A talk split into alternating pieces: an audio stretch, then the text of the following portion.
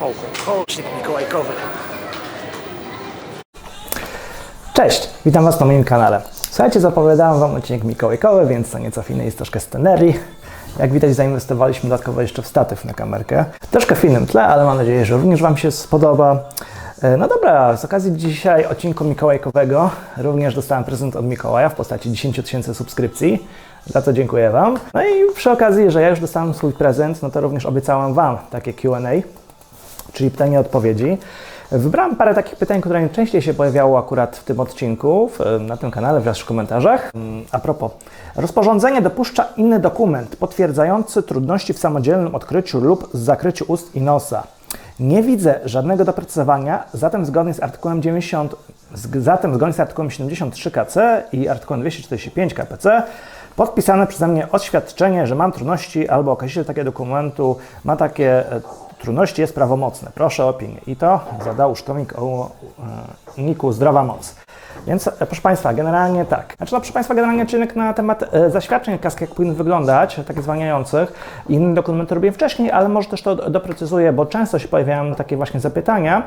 I pierwszym błędem, w którym mamy w przypadku takich zapytań, no to jest e, powoływanie się do definicji z dokumentu z kodeksu cywilnego. Biorąc pod uwagę, że zwłaszcza tutaj od 2 grudnia, to jednak przepisy te mają charakter karny, w sensie mandat za niezakrywanie ust i nosa w jakiś tam sposób, no to to ma charakter karny. To jest już wykroczenie z artykułu 116 kodeksu wykroczeń, więc tutaj no to powinniśmy e, stosować jednak zasady i definicje, które obowiązują w, pra- w prawie karnym. No i proszę Państwa, mamy ten kodeks, powiedzmy zbiór przepisów prawa karnego, kodeks karny. Wy, wyjdźmy od tego najpierw, co jest dokumentem. A więc, proszę Państwa, taką definicję mam słowniczek, e, to jest w artykule 115 kodeksu karnego. O, jesteśmy, 115, paragraf 14. Dokumentem jest każdy przedmiot albo inny zapisany nośnik informacji, z którym związane jest określone prawo, albo który ze względu na zawartą w nim treść stanowi dowód prawa w stosunku prawnego lub okoliczności mającej znaczenie prawne. No i proszę Państwa, to jest generalnie co, e, co rozumiemy e, za inny dokument e, pod tym kątem. Natomiast również w przypadku mm, sprawach, sprawach postępowania w sprawach wykroczeń, no, odpowiednio stosujemy przepisy tutaj kodeksu postępowania karnego. A w kodeksie postępowania karnego e, mamy tam taki artykuł, to jest generalnie przede wszystkim artykuł 7, który mówi o mocy, o wiarygodności takich e, dowodów, o wiarygodności takich dokumentów. I proszę Państwa, zgodnie z artykułem 7 kodeksu postępowania karnego, Organy postępowania kształtują swoje przekonanie na podstawie wszystkich przeprowadzonych dowodów, ocenianych swobodnie z uwzględnieniem zasad prawidłowego rozumowania oraz wskazań wiedzy i doświadczenia życiowego. I proszę Państwa, co jest? Jeżeli na przykład e, posiłkujemy się takim własnoręcznie sporządzonym podpisanym e, oświadczeniem i mówimy, że to jest inny dokument w rozumieniu rozporządzenia, no to proszę Państwa, przede wszystkim to jest tak, taki dokument jest przede wszystkim no, niewiarygodny, bo to nie jest na przykład taka dokumentacja medyczna, która już wskazuje powiedzmy e, na fakt, na e, rozpoznanie choroby, na coś innego, to jest Taki dokument, taki dokument, takie oświadczenie sporządzone i podpisane przez Was własnoręcznie stanowi jedynie dowód, że się pod tym podpisaliście, pod oświadczeniem o takiej treści. I powiedzmy tak, no dla policjanta no to nie ma żadnego znaczenia, e, dla sądu również zasadniczo nie będzie miał, będzie miał jedynie ws- wskazówkę, że jeżeli faktycznie są te okoliczności, na które się powołujecie, no to trzeba będzie powołać na przykład biegłego sądowego, biegłego powiedzmy lekarza z zakresu psychiatrii czy z zakresu e, innych powiedzmy tam e, dziedzin medycyny, żeby sp- sprawdził, czy faktycznie macie takie schorzenie, które uniemożliwia Wam e, stosowanie zakrycia ust i nosa. Z tym, że jest taki akurat problem, bo o ile ten mandat teraz wynosi 1000 zł, no to dodatkowo po takim postępowaniu sądowym będą wpadały jeszcze e, koszty opinii biegłego. A koszt opinii biegłego, no to już tu jest z kolei drugi, ten 1000 zł albo i więcej będzie w tym wypadku. Więc proszę Państwa, no dlatego takim oświadczeniem, własno- dlatego innym dokumentem nie jest dokument, który własnoręcznie sporządzicie, własnoręcznie sobie podpiszecie. Inny dokument w rozumieniu właśnie tego przepisów rozporządzenia, no to przede wszystkim jest na przykład e, kopia dokumentacji medycznej, gdzie macie rozpoznanie choroby, takie recepty, gdzie macie tam czasem skierowania na badania jakieś tam do lekarza i tak dalej. Też często tam jest rozpoznanie choroby i to jest właśnie inny dokument w rozumieniu przepisów tego rozporządzenia, na który możecie się powoływać. No, w przypadku takiego powiedzmy własnoręcznego dokumentu, to ja nie, no, nie wróżę sukcesu. Co najwyżej po prostu, jeżeli ktoś nawet nap- napisał, że powołał się, posłużył się czymś takim przed policjantem, no to po prostu trafił na pobożliwego policjanta albo no po prostu no, stwierdził, że jak ktoś mu pokazuje taki dokument, po którym się podpisał, no to może to już jasna rzeczy, więc no, nie będzie go gnębić. No poza tym, proszę Państwa, e, też te przepisy, uprawnienie do nakładania mandatów karnych i e, że te sankcje są, będą skuteczne, no to dopiero weszły w życie teraz 2 grudnia. Więc e, tak naprawdę zanim przejdą te pierwsze postępowania przed sądy, no to jeszcze parę miesięcy minie. Więc no ja nie polecałbym stosowania takich własnoręcznie sporządzonych e, oświadczeń, przede wszystkim zaświadczenie lekarskie, o którym mowa właśnie w tym rozporządzeniu. Ewentualnie, jeżeli macie problem z uzyskaniem takiego zaświadczenia lekarskiego od waszego lekarza, macie, jako pacjent macie uprawnienie do zażądania kopii waszej dokumentacji medycznej. Więc kopią, z taką kserokopią tej dokumentacji, wystarczy tam będzie jedynie rozpoznanie tej choroby, będziecie mogli po prostu dysponować tym e, innym dokumentem. W rozumieniu przepisów tego rozporządzenia, który uchroni Was e, przed mandatem ze strony e, tutaj policjanta czy tam strażnika miejskiego. Natomiast jeszcze raz podkreślam, jeżeli cierpicie jakieś schorzenia, które nie zawierają się w przepisach tego rozporządzenia, no to zawsze będziecie mogli powołać się na to przed sądem i sąd zawsze podchodząc bardziej indywidualnie do sprawy może wziąć te okoliczności pod uwagę. Przy rozstrzyganiu Waszej sprawy. No natomiast nie jest to do końca pewne, jak to wyjdzie. E, Okej. Mm, hmm, hmm, hmm. Kolejne pytanie. Pytanie.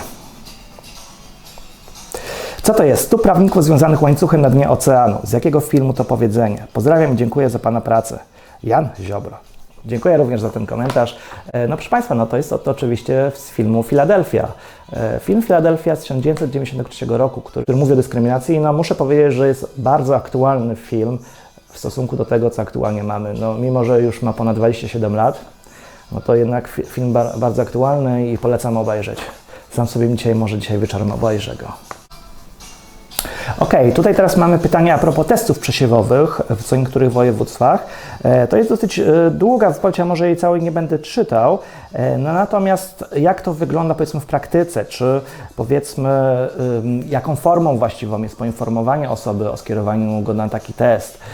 Czy to można tak na chybił trafił robić? No to to już wyjaśniam. Czy może po prostu skierować na taki test SMS? No oczywiście, że nie może skierować na taki test na koronawirusa SMS, chociażby z tego prostego względu. Y, urzędnik nie ma pewności, czy ta informacja dotarła do e, tego odbiorcy. Nie, przez SMS-a nie ma możliwości weryfikacji danych.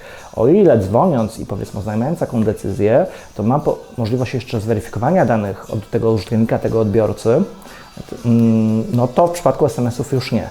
Więc no takie SMS-y po prostu można ignorować. To na zasadzie to po prostu chyba. I te SMS-y to bardziej będą na zasadzie takiej chyba prośby, czy właśnie zalecenia, żeby się skierować, nie takiego typowego decyzji i zobowiązania prawnego.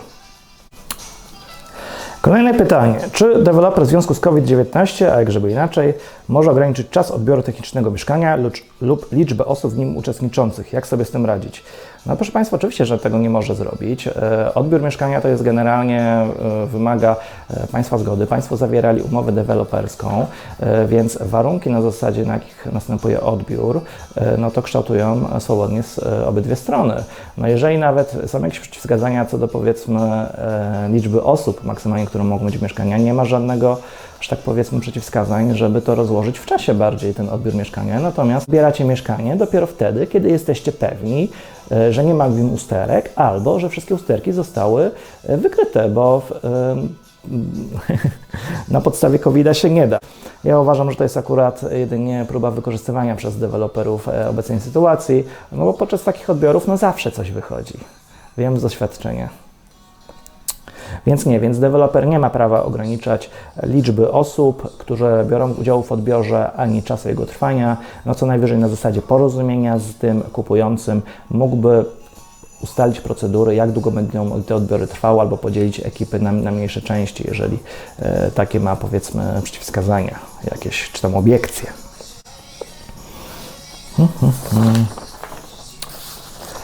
O, i ostatnie takie pytanie. E, Pewnie artykuł 31 ustęp 3 Konstytucji mówi o ograniczeniach w zakresie korzystania z konstytucyjnych praw mogą być ustanowione tylko w ustawie.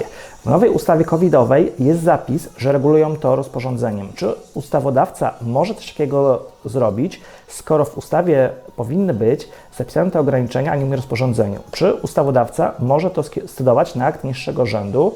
Ok, to jest pierwsze pytanie. No i proszę Państwa, jak to mamy w Konstytucji? Generalnie ten słynny artykuł 31 ustęp 3, yy, czyli więc tak, proszę Państwa, e, zgodnie z artykułem 31 ustęp 3 ograniczenia w zakresie korzystania z konstytucyjnych wolności i praw mogą być ustanawiane tylko w ustawie i tylko wtedy, gdy konieczne są w demokratycznym państwie dla jego bezpieczeństwa lub porządku publicznego, bądź dla ochrony środowiska, zdrowia i moralności publicznej, albo wolności i praw innych osób. Ograniczenia te nie mogą naruszać istoty i wolności praw. No proszę Państwa, generalnie tak, w tej ustawie covidowej Wprowadzono to, czego nie było do tej pory w ustawie o zapobieganiu oraz zwalczaniu zakażeń i chorób zakaźnych u ludzi, czyli wprowadzono w ustawie obowiązek zakrywania ust i nosa. Dotychczas czegoś takiego nie było, więc pod tym kątem to jest prawidłowo. Natomiast e, sposób realizacji tego obowiązku to e, określa rozporządzenie. I e, proszę Państwa, również to jest dopuszczalne, bo mamy ten e, artykuł 46b, e, punkt 13, nowy, zgodny właśnie z e, artykułem 31 ustęp 3 Konstytucji, a z kolei wydanie rozporządzenia właśnie na podstawie tego artykułu 46b, punkt 13 Konstytucji, jest zgodny z innym artykułem Konstytucji, czyli z artykułem 92. Rozporządzenia są wydawane przez organy wskazane w Konstytucji na podstawie szczegółowego upoważnienia zawartego w ustawie i w celu jej wykonania. Upoważnienie powinno określać organ właściwy do wydania rozporządzenia i zakres spraw przekazanych do uregulowania oraz wytycznych dotyczących treści aktu. Więc proszę Państwa, no pod tym kątem, pod kątem formalno-prawnym to jest e, jak najbardziej prawidłowe. Dalej. Dalej było pytanie na temat dokumentu, ale omówiliśmy to w pierwszym pytaniu. Co do omywania konkretnego kazusa, konkretnego wyroki sądu w tych sprawach, tak, tak, generalnie będę mógł umieszczać linki. Natomiast e, to będą musiały być już wyroki zanonimizowane i umieszczone na e, tym e, portalu orzeczenia msgov.pl, no bo wcześniej te po prostu rzeczy są związane tajemnicą zawodową.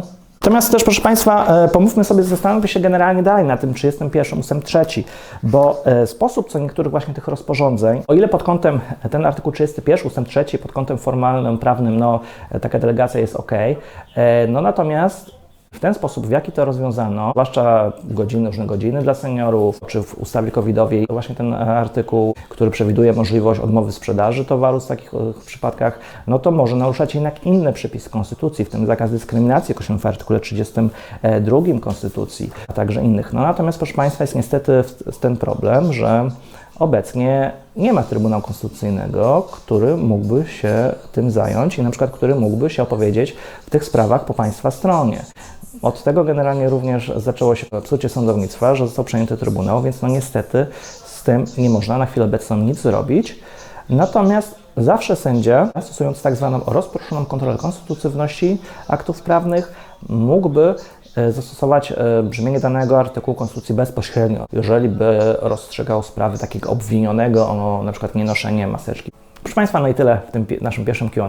Jeszcze raz dziękuję Państwu za te 10 tysięcy subskrypcji. Cieszę się, że jesteście z nami. Generalnie, jak ja zakładałem ten kanał e, w sierpniu, to nawet no nie spodziewaliśmy się, że w ogóle do końca roku doszedł do, chociażby do tysiąca e, subskrypcji. No jednak widzę, że powiedzmy forma tego kanału się spodobała. No, będziemy go widać dalej rozwijali no między innymi chociażby właśnie tutaj wsparciu patronów naszych wspierających. E, no i dzięki Państwu, którzy po prostu podrzucają tutaj nowe pomysły na nowe odcinki, e, no i też pozwalają e, chociażby przez swoje komentarze zwrócić mi uwagę na te kwestie, które warto by powiedzmy jeszcze dodatkowo rozwinąć, czy przydałoby się dodatkowy odcinek na taki materiał. No i tyle w temat w tym odcinku. Jeżeli Wam się podobało, zostawcie komentarz. Jeżeli chcielibyście, żeby powstało więcej materiałów, zwłaszcza z taką mapką, stawcie subskrypcję, a ja tymczasem pozdrawiam.